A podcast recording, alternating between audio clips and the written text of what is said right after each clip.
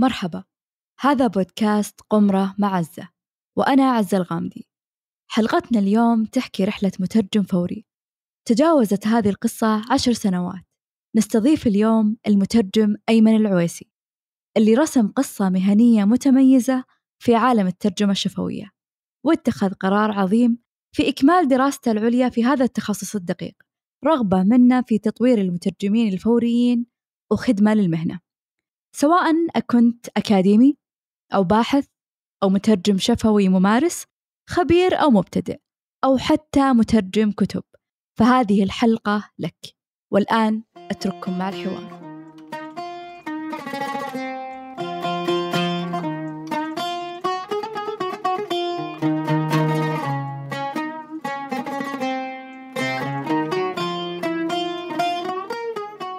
من تقريبا من كم شهر كنا نبارك لك أستاذ أيمن بحصولك على درجة الماجستير واليوم نسجل معك هذه الحلقة وأنت بادي خطواتك في رحلة جديدة في مرحلة الدكتوراه ومعروف عنك أستاذ أيمن نشاطك في عالم الترجمة ممارسة وتعليما وتدريبا لماذا اتخذت هذا القرار؟ وما هي الإضافة التي تسعى لتحقيقها في في مسيرتك المهنية من خلال هذه الدراسة أو إضافة هذه الدرجة العلمية؟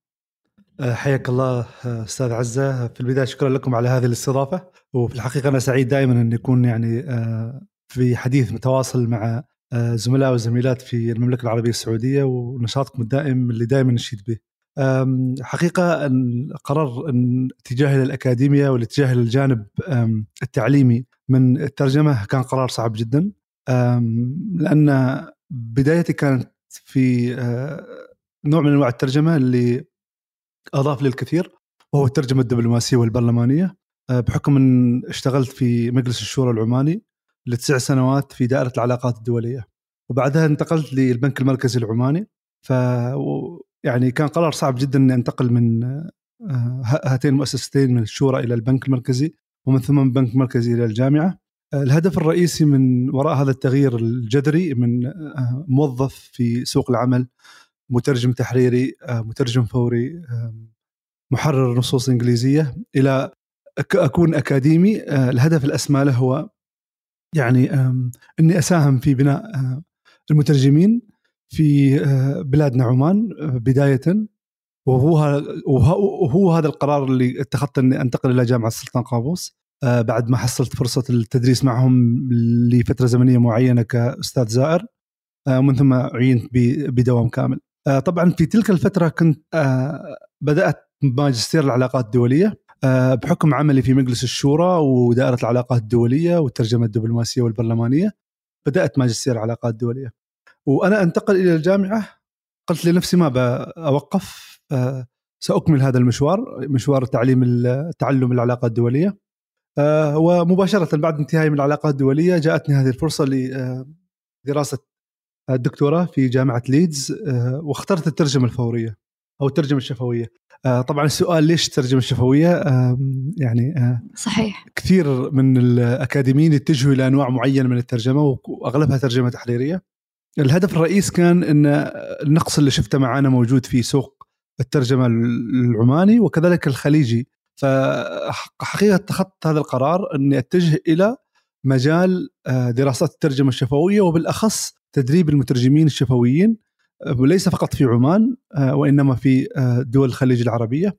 لأننا يعني أعتبر المترجم السعودي، المترجم الإماراتي، البحريني، القطري، الكويتي، العماني كلهم مترجمين من ضمن خلينا نقول كأنهم شعب واحد يعني. فقررت إن ما تنحصر دراستي على دراسة أو تدريب المترجم العماني فقط وإنما تدريب المترجم الخليجي والخروج ببرنامج لتدريس الترجمة الفورية وبالتكامل مع الزملاء الآخرين الأستاذ فهد الهدلول أيضا يدرس حاليا ذات البرنامج في المملكة المتحدة ولكن في تقنيات الترجمة فكل الجهود هذه تتكامل مع بعضها البعض والهدف الأسمى هو أننا نساهم في بناء جيل من المترجمين في منطقة الخليج العربي.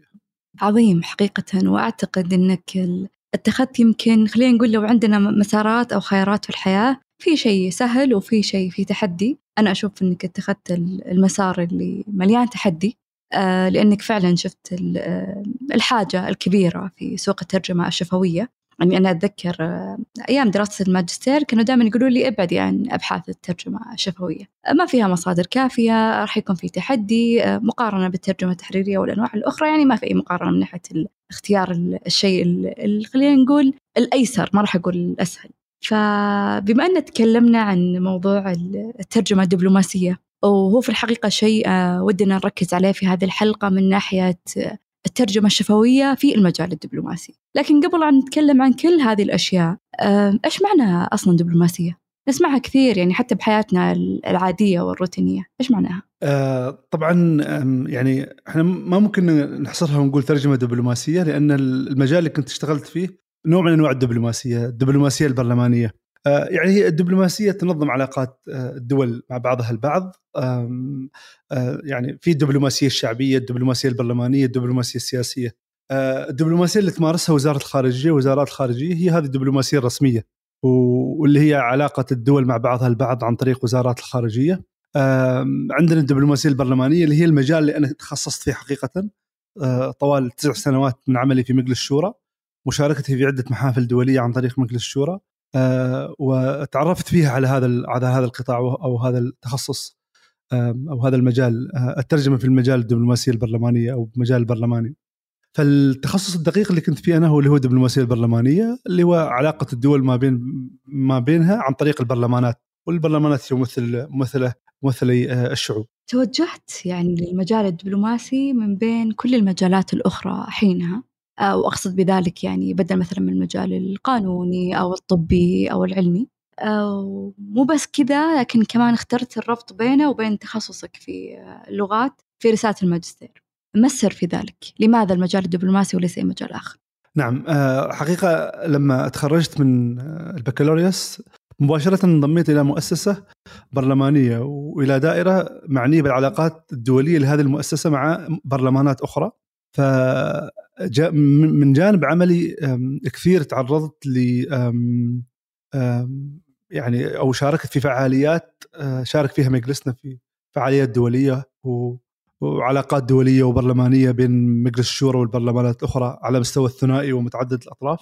فاعجبت بهذا التخصص وكوني أنطلق من خلفية ترجمية آه، قلت لازم إني أخذ ماجستير آخر. طبعا هذا بعد ما أخذت الماجستير الأول في العلاقات في الترجمة.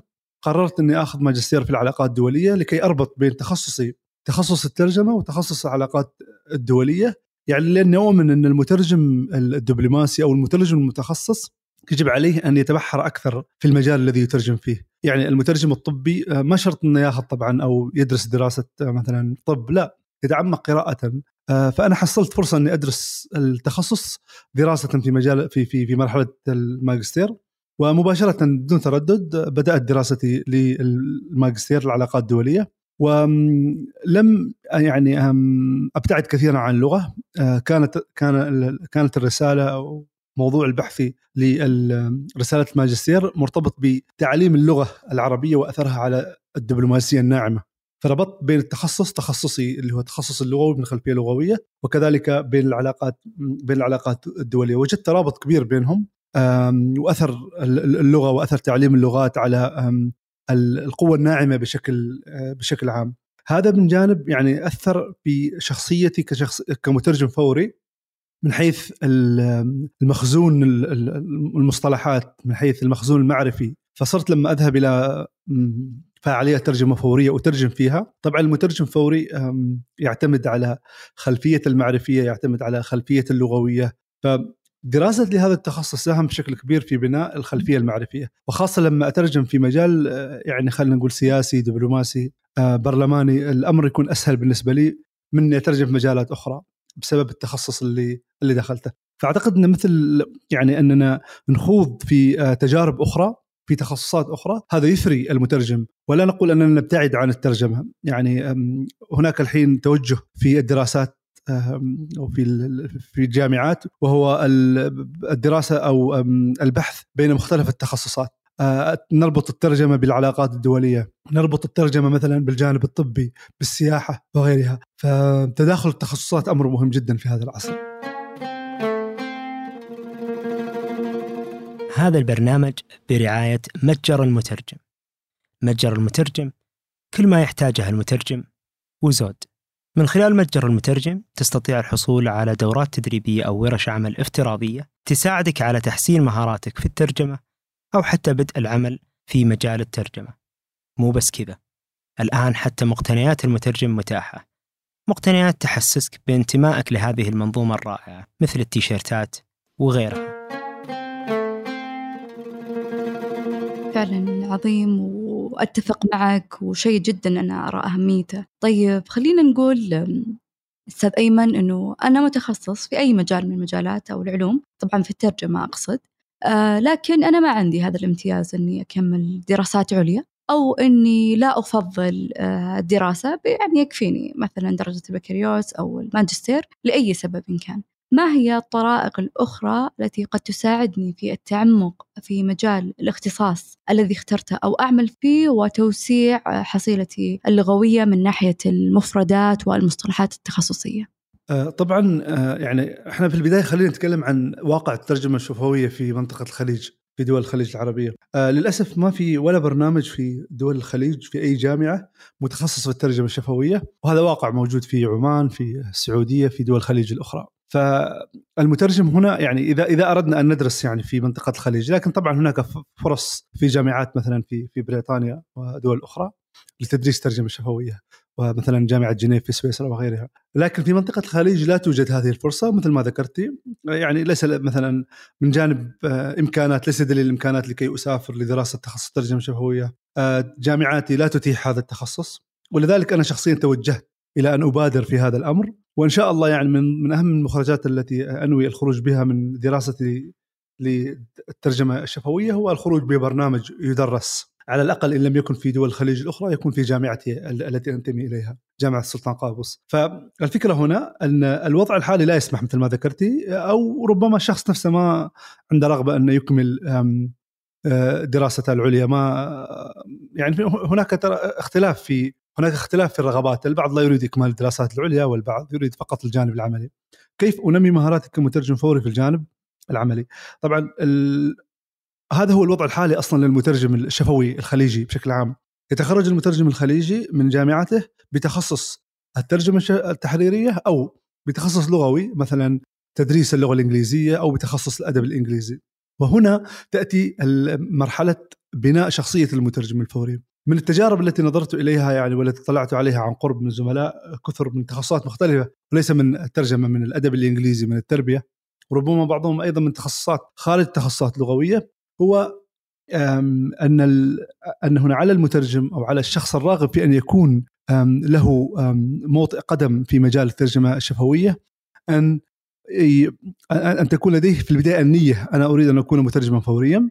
بوجود هذه النية يبدأ في تدريب نفسه. وهنا يعني يمكن أن نرجع يعني لحديث النبي عليه الصلاة والسلام آه، العلم بالتعلم والحلم بالتحلم. فالإنسان هنا عندما يريد أن يكسب علما آه، فإنه يعني يصر على كسب هذا العلم يصر على تخصيص جزء من وقته من أجل أن يصل إلى هدفه. وفي النهاية آه، ستصل إلى ذلك الهدف إذا كانت لديك الرغبة. المترجم الفوري. الموارد متاحة الآن في هذا في هذا الوقت.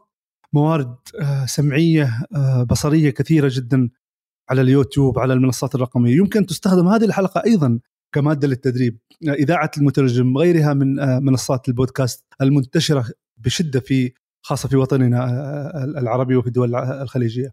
فاستخدام هذه المواد للتدريب الذاتي. طبعا كيف أدرب نفسي كمترجم فوري؟ هذا سؤال ربما يكون أول سؤال. يطرح علينا. طرائق تدريس الترجمة في في العالم مختلفة. كما ذكرت ليس لدينا أي برنامج ترجمة آه، برنامج فوري في الخليج. الصين وحدها بها أكثر من 100 برنامج لتدريس الترجمة الشفوية فقط تدريس الترجمة الشفوية. آه، دعيك من أنواع أخرى من الترجمة. ففي ظل غياب هذا الشيء. نبدأ الطريقة المعتادة والتقليدية التي يعني دائما ما تستخدم البدء فيما يسمى بال shadowing ال shadowing هو أن أستمع إلى مقطع صوتي وأن أقلد ما يقوله الشخص بالحرف بلغة بلغته. مثلا يتحدث الشخص باللغة الإنجليزية فأقلد ما يقوله الشخص بلغة باللغة الإنجليزية أو أتابع معه لا أترجم. فقط أقوم ب أو أتحدث بما يتحدث به المتحدث بذات اللغة. بعدها ننتقل إلى مرحلة الترجمة. نفس نفس نفس المقطع هذا ممكن أن نستخدمه في الترجمة. يبدأ المترجم بعد أن أصبح لديه معرفة بالمحتوى الخطاب الموجود هو المقطع الصوتي هذا. يبدأ بترجمة هذا المقطع. هذا فقط لتدريب الدماغ على ثلاث عمليات. معا العملية الأولى هي عملية الاستماع العملية الثانية هي تحليل ما قيل بتلك اللغة العملية الثالثة هي عملية أن آه، ننتج ذلك النص وننتج ذلك الخطاب باللغة آه، باللغة الأخرى. آه، لكن مع ال shadowing ومع مرحلة ال shadowing فمرحلة التحليل لا تكون موجودة فقط الاستماع ومن ثم أن تنتج النص باللغة ذاتها كمرحلة مبدئية وبعدها يبدأ المترجم بتدريب نفسه. يعني أنا شخصيا آه، ربما ذكرت هذا الأمر في حلقة سابقة لإذاعة المترجم أنني دخلت مجال الترجمة الشفويه بالصدفة. يعني اضطررت في إحدى المحافل الدولية في فيتنام بمشاركه مجلس الشورى أن أترجم للوفود العربية آه، ترجمة شفوية وأنا لم أتدرب قط على الترجمة الشفوية. كانت لدينا مادتين آه، مواد عامة في الترجمة الشفوية مادتين فقط. فلم أتدرب ذلك التدريب المناسب. ولكن اضطررت إلى ذلك بسبب وجود الحاجة لهذا الأمر. ومن ثم بدأت يعني فتصوري حجم التجربة. أن تبدأ آه، تجربة الترجمه الشفوية في محفل دولي. آه هذا وماذا وماذا كان المنتج؟ طبعا لم يكن آه، يعني لم تكن الترجمه بتلك الترجمة التي يمكن أن افتخر بها لأنها أول مرة. فهذا يعطينا دافعا أننا نستطيع أن نبدأ من المنزل، نبدأ بتدريب أنفسنا، نبدأ بالتعود على أنواع الترجمة. ولنصل مرحلة تسمى split attention هو أن نفصل الانتباه بين الاستماع والتحليل وأن ننتج النص آه، بذاته. وطبعا آه، تتكرر هذه العملية وأدرب نفسي ومن ثم أتخذ الخطوة الأولى بأن أستعد لأن أدخل إلى آه، قمرة الترجمة بمساعدة الزملاء الموجودين في سوق العمل ربما كمشاهد وليس كمترجم وبعدها أبدأ في ترجمة طيب مثلا أستاذ أيمن كيف ممكن نوسع يعني حصيلة المفردات التخصصية؟ هل هو بنفس طريقة التدريب المعتادة التدريب الذاتي؟ آه، بالنسبة للتخصص آه، أستاذ عزة عندنا المترجم الفوري في البلاد العربية صعب جدا أنه يتخصص يعني لو نظرنا إلى كمية الفعاليات الموجودة في مثلا في السعودية أو في عمان أو غيرها من دول الخليج. آه، يعني ما ممكن إني أنا آه، أحصر نفسي وأقول إن أنا مترجم في المجال الطبي فقط لأن الفعاليات اللي في المجال الطبي ستكون محصورة. لذلك على المترجم الفوري أن تكون لديه مهارات تجعله قادرا على الترجمه في مختلف التخصصات. آه، مرت بي تجارب كثيرة أترجم في مجالات صعبة جدا بها مواد علمية آه، آه، تفاعلات كيميائية مركبات كيميائية. وأنا يعني لم أدرس الكيمياء منذ أيام المدرسة فكيف سأتعامل معها؟ الحل الأمثل هنا أن إذا إذا جاءك تخصص جديد جاءك طلب لمؤتمر مهم جدا بموضوع مهم موضوع حساس موضوع متخصص الحصول على الوثائق أمر مهم جدا. تحصل على الوثائق المتعلقه بالمؤتمر. كيف تعاملت مع الموقف؟ مثلا العروض التقديمية الباوربوينت المستند المؤتمر نفسه. ضروري جدا هذا التعاون بين المترجم وبين المنظم. يعني نجاح المترجم من نجاح منظم الفعالية. فلذلك منظم الفعالية لا يعتقد أن المترجم سيكون ملما بكل الكلمات ملما بكل التخصص. هذا لا. إنما يوفر له هذا هذه المادة العلمية لكي يستطيع المترجم أن يحضر. فهنا بوجود هذه المادة العلمية يستطيع المترجم أن من المادة العلمية أن يستخرج يستخرج آه، قاموسا مصغرا بالمصطلحات الواردة أو يجهز نفسه من ناحية تخصص الكلمات. آه، والآن مع وجود مثلا ChatGPT بامكاننا استخدام ChatGPT نأتي بهذا النص ونضعه في ChatGPT ونقول ل ChatGPT استخرج آه، الكلمات التخصصية من هذا النص باللغتين العربية والإنجليزية. في ثواني سيأتي ChatGPT بقاموس مصغر من ذلك المستند. يعني هنا استخدام أيضا التكنولوجيا في مساعدتنا في في في العمل. فالتحضير التحضير المسبق. آه، في بعض الأحيان أستاذ عز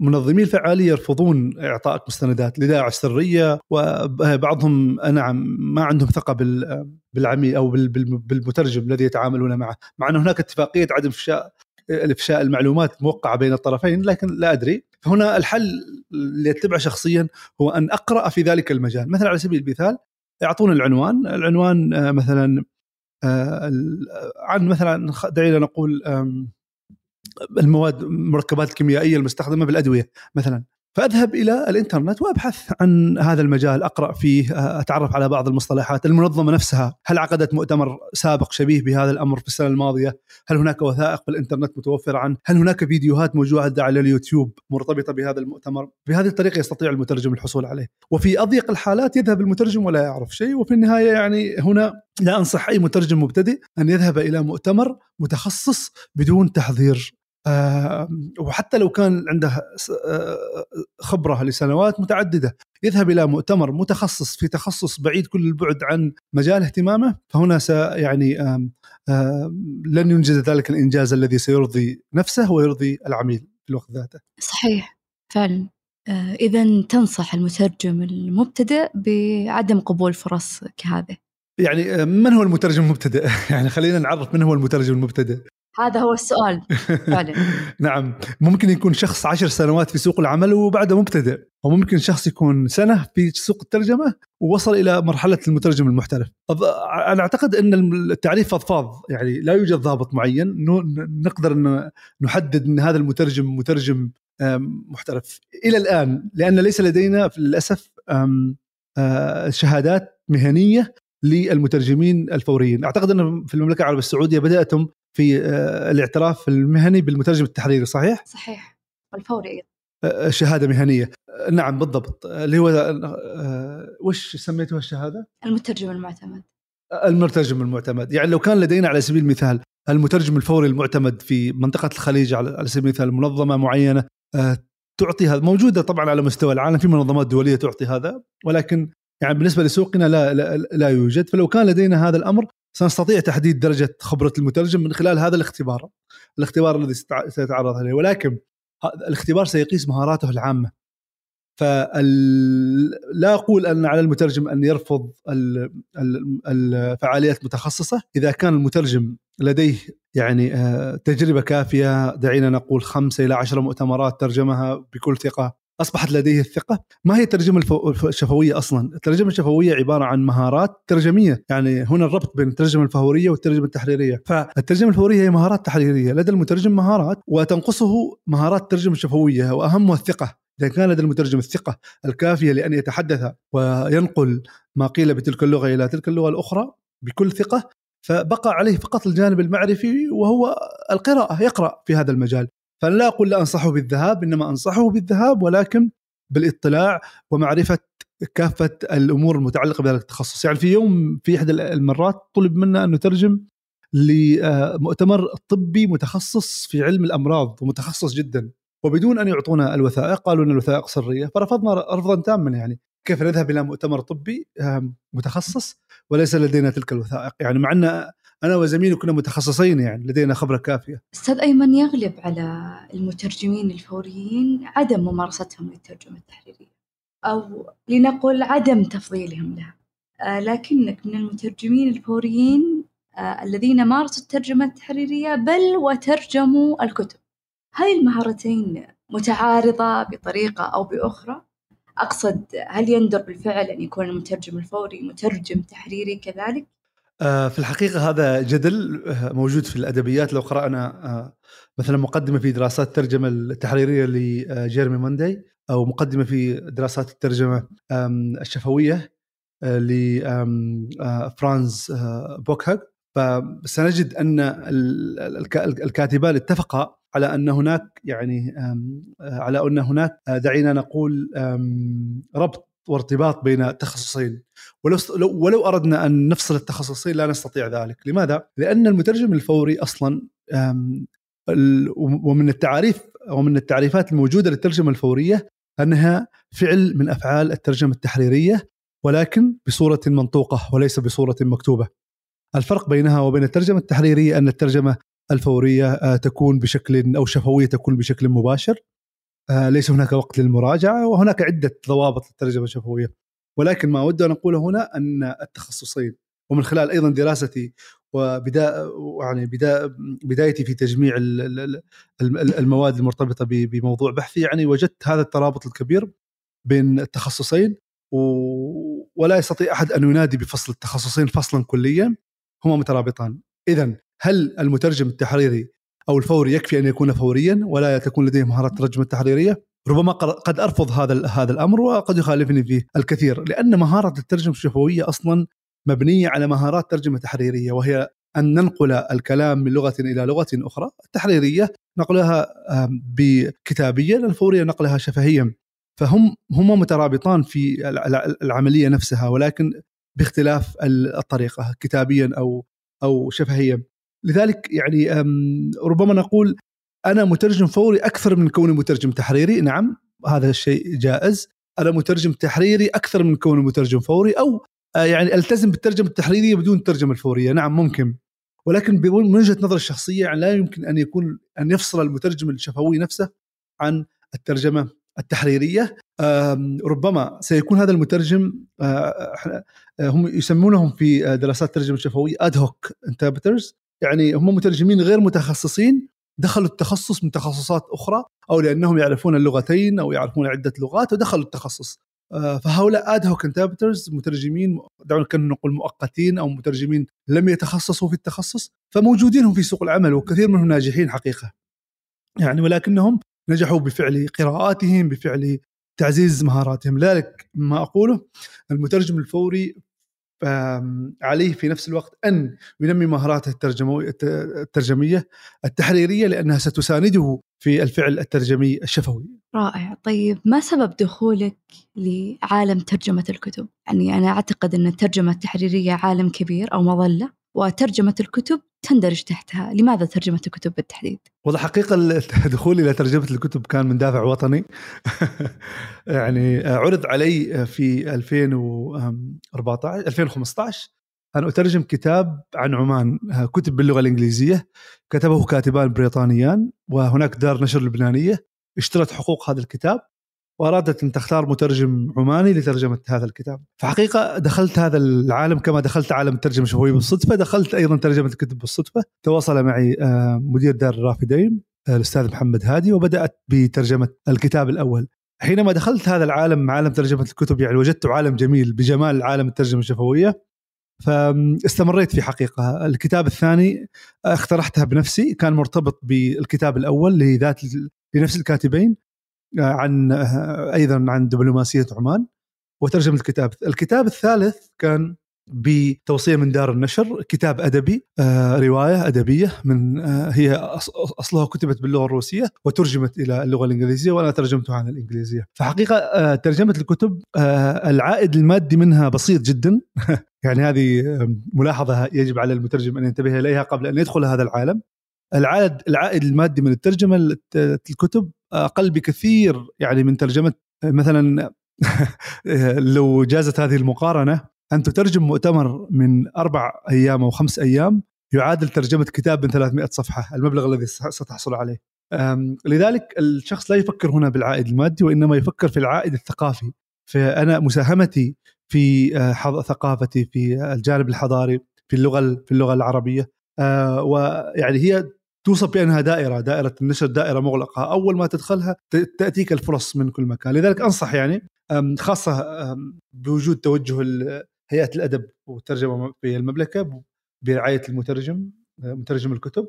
يعني يتجه المترجمين لهذا الأمر لأن الرصيد الذي تضيفه الكتب للمترجم رصيد كبير يضيف إلى السيرة الذاتية وإلى أيضا الجانب الثقافي آه، آه، آه، للبلد وللتخصص الذي تترجم فيه. أكيد بالإضافة إلى الحصيلة اللغوية العظيمة راح تضاف للمترجم. بالضبط يعني يعني لو أرجع بس للحصيلة اللغوية مهم جدا إن إننا نقرأ في المجال الذي نترجم فيه. أنا مثلا لما بدأت أترجم كتاب تاريخ عمان الحديث آه، كانت معرفتي بالتاريخ آه، بسيطة. آه، اطلاع عادي اطلاع كقارئ عام يعني أقرأ في التاريخ العماني. ولكن حينما ترجمت بالتاريخ العماني بدأت أقرأ الكتب المتعلقة بتاريخ عمان المصادر التي يشير إليها الكاتبان. حتى أنني في بعض الأحيان أجد الاقتباس أصله عربي ولكنه ترجم إلى اللغة الإنجليزية فأنا لم أكن في حاجة لترجمة ذلك الاقتباس. اذهب إلى النص العربي الموجود في الكتاب العربي وأتي به كما هو ولكنني في ذات الوقت أشير أن هذا النص مأخوذ من الكتاب الأصل وأختار المترجم أن يأتي به كما هو لكي لا يتغير. فلذلك القراءة أن نتثقف في المجال الذي نقرأ أو نترجم فيه وأن نقرأ فيه وأن نزيد حصيلتنا المعرفية فيه. ذكرت أستاذ أيمن موضوع الصدفة يمكن مرتين. وهذا يقودني لسؤال يمكن فلسفي أو عميق بعض الشيء. آه، هل تعتقد أن هل كانت فعلا الصدفة موجودة في مسيرتك المهنية؟ لأني أعتقد جميع قراراتك آه، من القرار الأول إلى قرارك اليوم بإكمال الدراسات العليا في مجال الدكتوراه. كانت مبنية على عدة أشياء منها الجانب الاستعدادية الموجود آه، القيم الدافعية في عدة مواضيع. حتى هذا الشيء يعني واضح جدا من شخصية الأستاذ أيمن المهنية. فبالتالي هل ما زلت تعتقد إنها كانت وليدة الصدفة أو هي وليدة أشياء تراكمت مع الوقت؟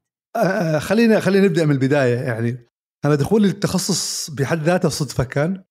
هنا الصدفة أنا ما أنا عندما أتحدث عن الصدفة أتحدث عن الصدفة كفرصة. يعني تأتينا فرصة وبمحض الصدفة. ولكن مثل ما ذكرتي المراحل التي تلت تلت تلك الصدف كانت كلها مخطط لها. يعني على سبيل المثال دخلت تخصص الترجمة الشفوية التحريرية بالصدفه ولكن خططت لأن أتميز في هذا التخصص. دخلت ترجمة الترجمة الشفوية بالصدفة ولكنني بعد تلك الصدفة وضعت خطة مناسبة لكي يطور نفسي مهاره الترجمة الشفوية. أيضا بالنسبة لي بالنسبة لترجمة الكتب. وهنا الصدفة أقصد أن تاتينا الفرصة. مثلا أتتني فرصة لأن أترجم كتابا فصدفة ولكنني اقتنصت هذه الفرصة. فالحياة فرص يعني عندما تأتينا مثل هذه الفرص دائما ما نقيم هذه الفرصة. الفرصة تأتينا ربما ونحن نقرأ كتاب تأتينا فرصة أن نترجم هذا الكتاب. تأتينا فكرة أن نترجم هذا الكتاب ولكن هنا القرار يبقى للمترجم. هل سأتخذ هذا الطريق أم لا؟ ف كلنا تأتينا صدف في الحياة سادة عزة. فإما أن نقتنص تلك الصدفة وتلك الفرصة وإما أن تذهب علينا وربما لن تأتي لن تأتي مجددا.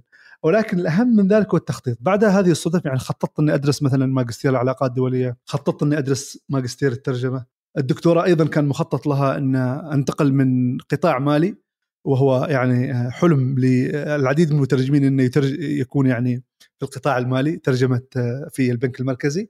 ولكن اخترت يعني آثرت إني أذهب إلى الأكاديمية بدلا من أكون في البنك المركزي. ولكي أصل إلى هذه المرحلة التي أنا فيها اليوم وهي دراسة آه، مرحلة الدكتوراه في تخصص الترجمة الشفوية. فلذلك نقول أن الله سبحانه وتعالى يهيئ لنا هذه الأمور ويهيئ لنا هذه الصدف وهذه الفرص لكي نقتنصها ولكي يجعلنا فيها. يعني وحتى من الجمل اللي أتذكرها أستاذ الدكتور عبد الجبار الشرفي أستاذ ترجمة معنا في جامعة سلطان قابوس.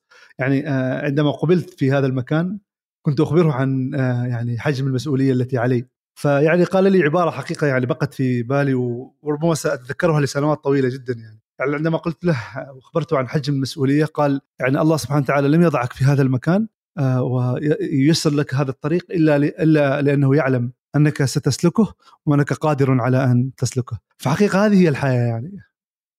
أستاذ أيمن بحديثك عن هذا الأستاذ اللي يعتبر ذكر لك كلمة أو عبارة ملهمة كلمة توجهها للأساتذة والمدربين في مجال الترجمة الشفوية عموما والفورية بالتحديد. آه، أفضل استراتيجية أو طريقة للتعامل مع آه، الطلاب والطالبات خاصة وأنت تعرف يعني أن الأمر دائما محط قلق وضغط كبير وخجل لبعض المترجمين غير المعتادين. في الحقيقة يعني إذا كانت ما يعني هناك من نصيحة يعني الأكاديمي بشكل عام أو لل للأستاذ بشكل عام يعني اللي هو الجانب الإنساني من الأستاذ يعني نتعامل مع طلبتنا من من من جانب إنساني. يعني هذا الطالب يعني أتانا من من آه، أتونا طلبة من مناطق مختلفة من خلفيات مختلفة من مستويات مختلفة. فعندما نبدأ في التعامل معهم خاصة في الترجمة الشفوية ربما تكون هناك تفاوت كبير جدا في مستوياتهم اللغوية. يعني جانب التدرج وجانب اللي هو الرغبة. يعني أنا مثلا في من تدريسي لهذه المادة درستها لأربعة فصول. مادة الترجمة الشفويه لدينا مقررين في الجامعة. يعني رأيت أن هناك يعني طلبة وطالبات لديهم قدرات لغوية عالية جدا ولكنهم يعني ليس لديهم هذه الرغبة للترجمة الشفويه فهنا يعني لا نرغم هذا الطالب على أن يكون مترجما شفويا رغم أنفه. هن مادتين فقط يعني. ولكن مستقبلا مع وجود مسارين مسار الترجمة الشفوية والتحريرية سيختار المترجم بين المسارين. الذي سيختار الشفوية سيكون قد اختارها عن حب والذي اختار التحريرية سيكون أيضا اختارها عن حب وعن رغبة. فلذلك يعني ان نراعي المستويات المختلفة لهؤلاء الطلبة والتدرج فيها. أيضا لا نقول ليس لدينا الإمكانيات لتدريس الترجمة الشفوية. آه، يعني أخبرك عن تجربتنا في الجامعة. يعني بمجرد أن دخلت إلى القسم آه، وكلفت بتدريس مادة الترجمة الشفوية رأيت ليس أن, أن ليس لدينا أي امكانيه لتدريس هذه المادة من ناحية آه، دعينا نقول من ناحية المعدات. ليس لدينا آه، قمرة ترجمة ليس لدينا معدات الترجمة الشفوية. ولكن يعني أنا رفضت أن أن ألوم الحال أقول انه ما ممكن نغيره. فطلبت من قدمت طلب لرئيسة القسم آه، سابقا الدكتورة خالصة الأغبري اننا نحتاج إلى قمرة ترجمة. وقمرة الترجمة تقريبا قيمتها 30 ألف ريال سعودي. قالت ممكن نوفر لك هذه القمرة. الأجهزة قيمتها تقريبا 70 آه، ألف ريال سعودي آه، فمكلفة. فأنا بدأت بالمبلغ الأقل وهي القمرة. اشترينا القمرة. بعدها استخدمت برنامج زوم لبث الترجمة الشفوية وبسهولة كبيرة جدا. وحتى أن استخدام برنامج الزوم في مختبر الترجمة لدينا. كان أفضل من استخدام أدوات معدات الترجمة المعقدة وتجهيزاتها آه، بمجرد أن نفتح حلقة الزوم هناك خاصية الترجمه الشفويه كل الطلبه على حواسيبهم وشخص في قمره الترجمة يترجم. فاستطعت في ذلك في العام الماضي أن أضع الطلبة في وضع يشبه سوق العمل يترجموا من داخل قمرة الترجمة لمدة عام كامل. ماذا كانت النتيجة كانت أن آه، ستة من هؤلاء الطلبة ترجموا معي في مؤتمرات في سوق العمل. لماذا؟ لأنهم تغلبوا على الخوف من قمرة الترجمة. استطاعوا أن يترجموا في آه، آه، الفصل الدراسي في, في, في ذلك الفصل وفي ذلك العام. وعندما طلبت منهم أن يأتوا معي إلى قمرة الترجمة في سوق العمل لم يترددوا لأنهم قد جربوا هذا الأمر بأدوات ومعدات بسيطة جدا لم تكلف أكثر من 30 ألف ريال سعودي. فأعتقد جميل. أيضا أتذكر أستاذ أيمن ولا أقاطعك. أتذكر أنك كنت تأخذ أيضا طلاب وطالبات معك يحضرون بعض المناسبات؟ آه ب... نعم بالضبط. آه ربط المترجم بسوق العمل مهم جدا. يعني آه دعونا دعينا نقولها صراحة أنا أتيت من خلفية خلفية عملية. آه, آه، أنا لم آه أدخل اكاديميا من مساق أكاديمي بحت. يعني الأكاديمي البحث هو الذي يتخرج من الجامعة ويصبح معيدا ومن ثم يدرس الماجستير والدكتوراه هو يقضي حياته كلها في الأكاديمية، أنا قضيت أكثر حوالي عشر سنوات في سوق العمل. ما رأيته أن الطالب في حاجة ماسة إلى أن يتصل بسوق العمل لأنه سيذهب لسوق العمل سواء أردنا ذلك أم لم نرد سواء قلنا أن العلم علم وليس عمل أو ليس سوق عمل لا يجب علينا أن نربط هذا التخصص بسوق العمل. فكنت حقيقة لما يكون عندنا فعاليات أخذ بعض طلبتي يترجموا معي البعض يراقب وأيضا نظمت زيارة إلى مجلس الشورى حضروا إحدى جلسات مجلس الشورى ترجموا لجلسات مجلس الشورى كل الطلبة ترجموا. فأعتقد أننا نوصل المترجمين بسوق العمل هذا عنصر مهم جدا في تنمية مهاراتهم لأنهم أول ما يتخرجوا بيكونوا مستعدين أنهم يواجهوا صعوبات العمل كونهم جربوها وهم طلبة. طيب أستاذ ايمن أنت ذكرت أنك كنت تاخذ بعض الطلبة معاك هذه التجارب.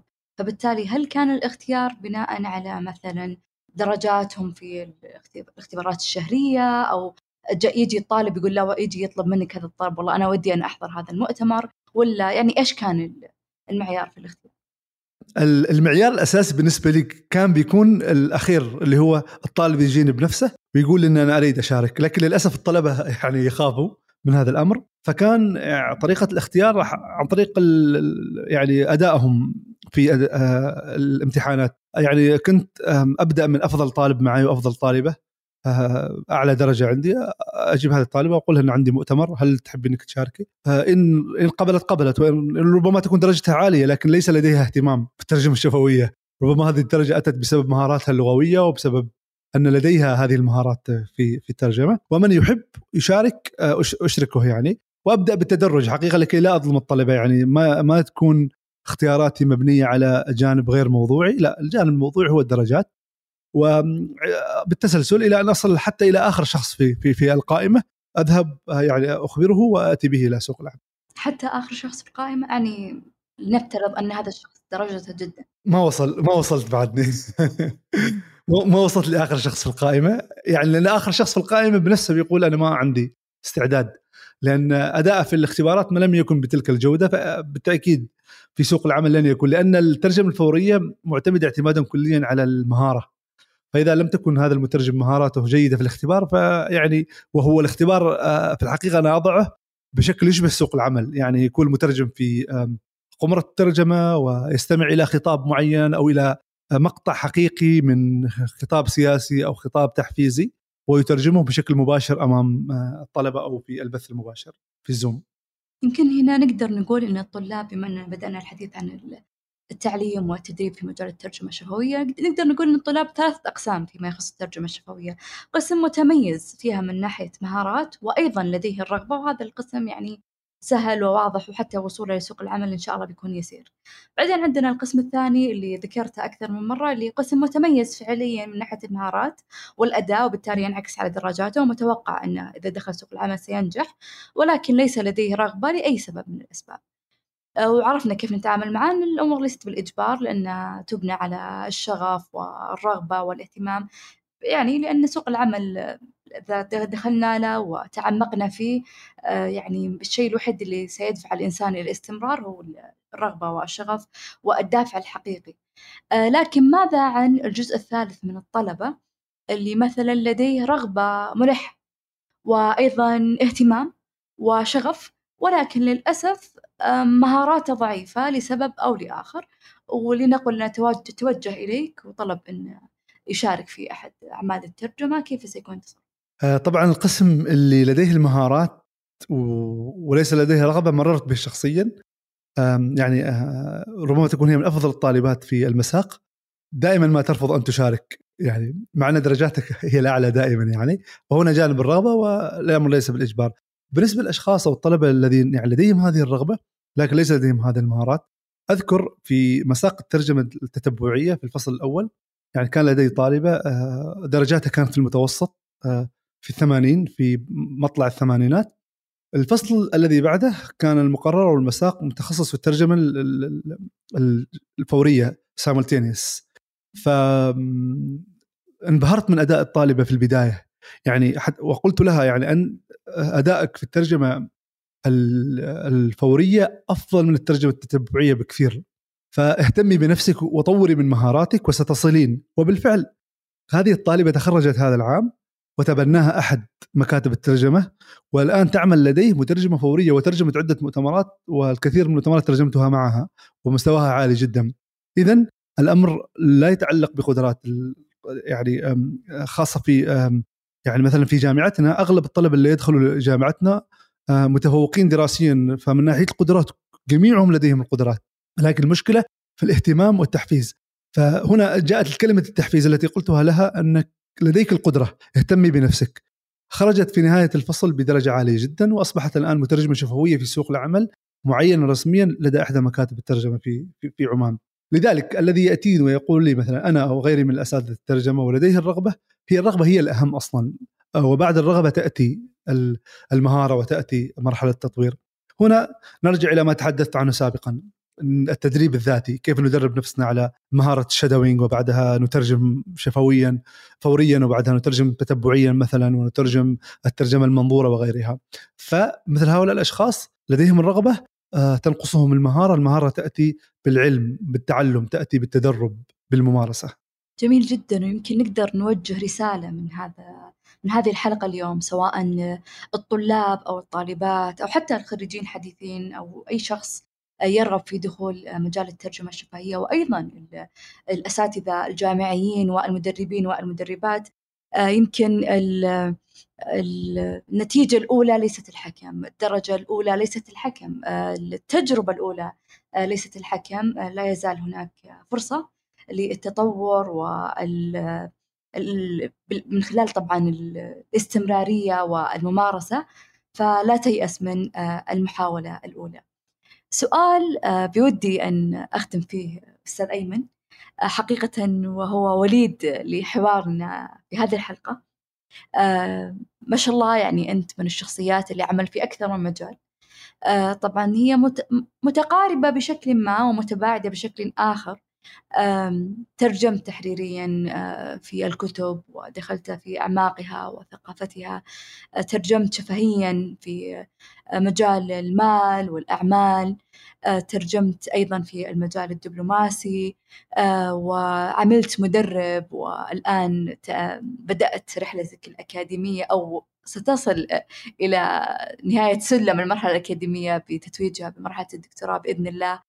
وستنتقل إلى أستاذ جامعي. الكثير من الأشياء في سوق العمل أحيانا خاصة في الموارد البشرية قد يعني يظهر لهم أن هذا الشيء يعتبر ربما شيء غير إيجابي بطريقة أو بأخرى لأنهم يعتبرون أنك مثلا ما ركزت على شيء ما أو شيء مخصص.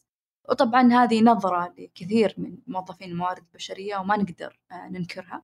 بالرغم من علمنا يعني يعني واقع سوق العمل بالرغم من مثل ما ذكرت توجه الجامعات الآن. ففي مثلا زملاء وزملات زميلات في بداية مسيرتهم المهنية وعندهم نفس هذا التوجه أن والله عندنا العلم وعندنا الدافعية والرغبة والقدرة فلماذا لا نعطي في أكثر من مجال؟ ولماذا لا نأخذ الحياة المهنية وكأنها مراحل ومحطات بدلا من أن تكون خط سير واحد فقط بدون تغيير؟ كلمة توجهها لهم للمتخصصين في موارد البشرية وكلمة توجهها للزملاء المهتمين بنفس للخوض في نفس مسارك. والله حقيقة ما ما نقدر نقول شيء للموارد البشرية. أخاف ينقصوا راتبنا بعدين. بالنسبة لل... للتنوع في في المجالات يعني, يعني طبعا هذا هذا هذا هذا هذه القضية يعني أكيد إنها قضية مثيرة للجدل قضية ما ممكن نحلها في نقاش معين ما ممكن نقول إن الأفضل للشخص إنه يبقى 20 سنة في نفس التخصص أو انه 20 سنة ينتقل فيها من تخصص إلى تخصص وكلها تعتمد على تجارب فردية للشخص نفسه لكن لما أتكلم عن تجربتي الشخصية كايمن عملت آه لسنوات في المجال البرلماني آه وبعدها عملت في الجانب أو القطاع المالي والحين في القطاع الأكاديمي هل هذا الشيء إيجابي كان لايمن؟ أنا أقدر أقول لك إن هذا الشيء كان إيجابي بالنسبة لي بنسبة 99.9% ديتول. فأعتقد إنه كان إيجابي بالنسبة لي بسبب تنوع المعارف اللي تعرضت لها تجاربي اللي خضتها في مجال العلاقات الدولية في مجلس الشورى فادتني كثير في مجال الترجمة آه، أو تدريس الترجمة. المهارات اللي أنت تكسبها من قطاع معين ممكن إنك تطبقها على قطاع آخر. وشخصيا يعني أجد نفسي إني لو جلست في تخصص مثلا أو في مكان معين ل 10 أو 20 سنة أنا أعتبر نفسي قتلت نفسي إذا ما طورت أو غيرت مساري أو بقيت في نفس المكان في نفس المكتب. يعني نصيحة كان أذكر قال لي إياها المترجم الأول معنا في مجلس الشورى آه، الأستاذ إبراهيم جار الله من السودان. قال لي يا أيمن أنا 30 آه، سنة في هذا المجال فنصيحة لك لا تسوي الخطأ اللي أنا سويته إني أقعد في مكاني وأشوف على نفس هذه الصورة اللي 30 سنة. حاول إنك تغير حاول إنك تجدد معارفك حاول إنك تكسب معارف جديدة. كل هذه الأمور راح آه، تبني شخصيتك وراح تأهلك لخطوات أخرى. أنا ما أقول إننا ننتقل من وظيفة إلى وظيفة مباشرة لا. يعني عندما نشعر بالاكتفاء من المكان الذي كنا فيه ونشعر بوجود آه، فرصة للتغيير. الحياة فرص. يعني أنا أشتغل مثلا في مجلس الشورى أتتني فرصة في البنك المركزي وفرصة جميلة كانت. هل أتركها بسبب أن موظفي الموارد البشريه أو المتخصصين الموارد البشريه يقولوا لا لا تغير؟ لا أنظر إلى تلك الفرصة. مثلا الفرص بعضها تكون فيها الفترة بسيطة. مثلا وجودي في البنك المركزي كان قصير جدا. لماذا؟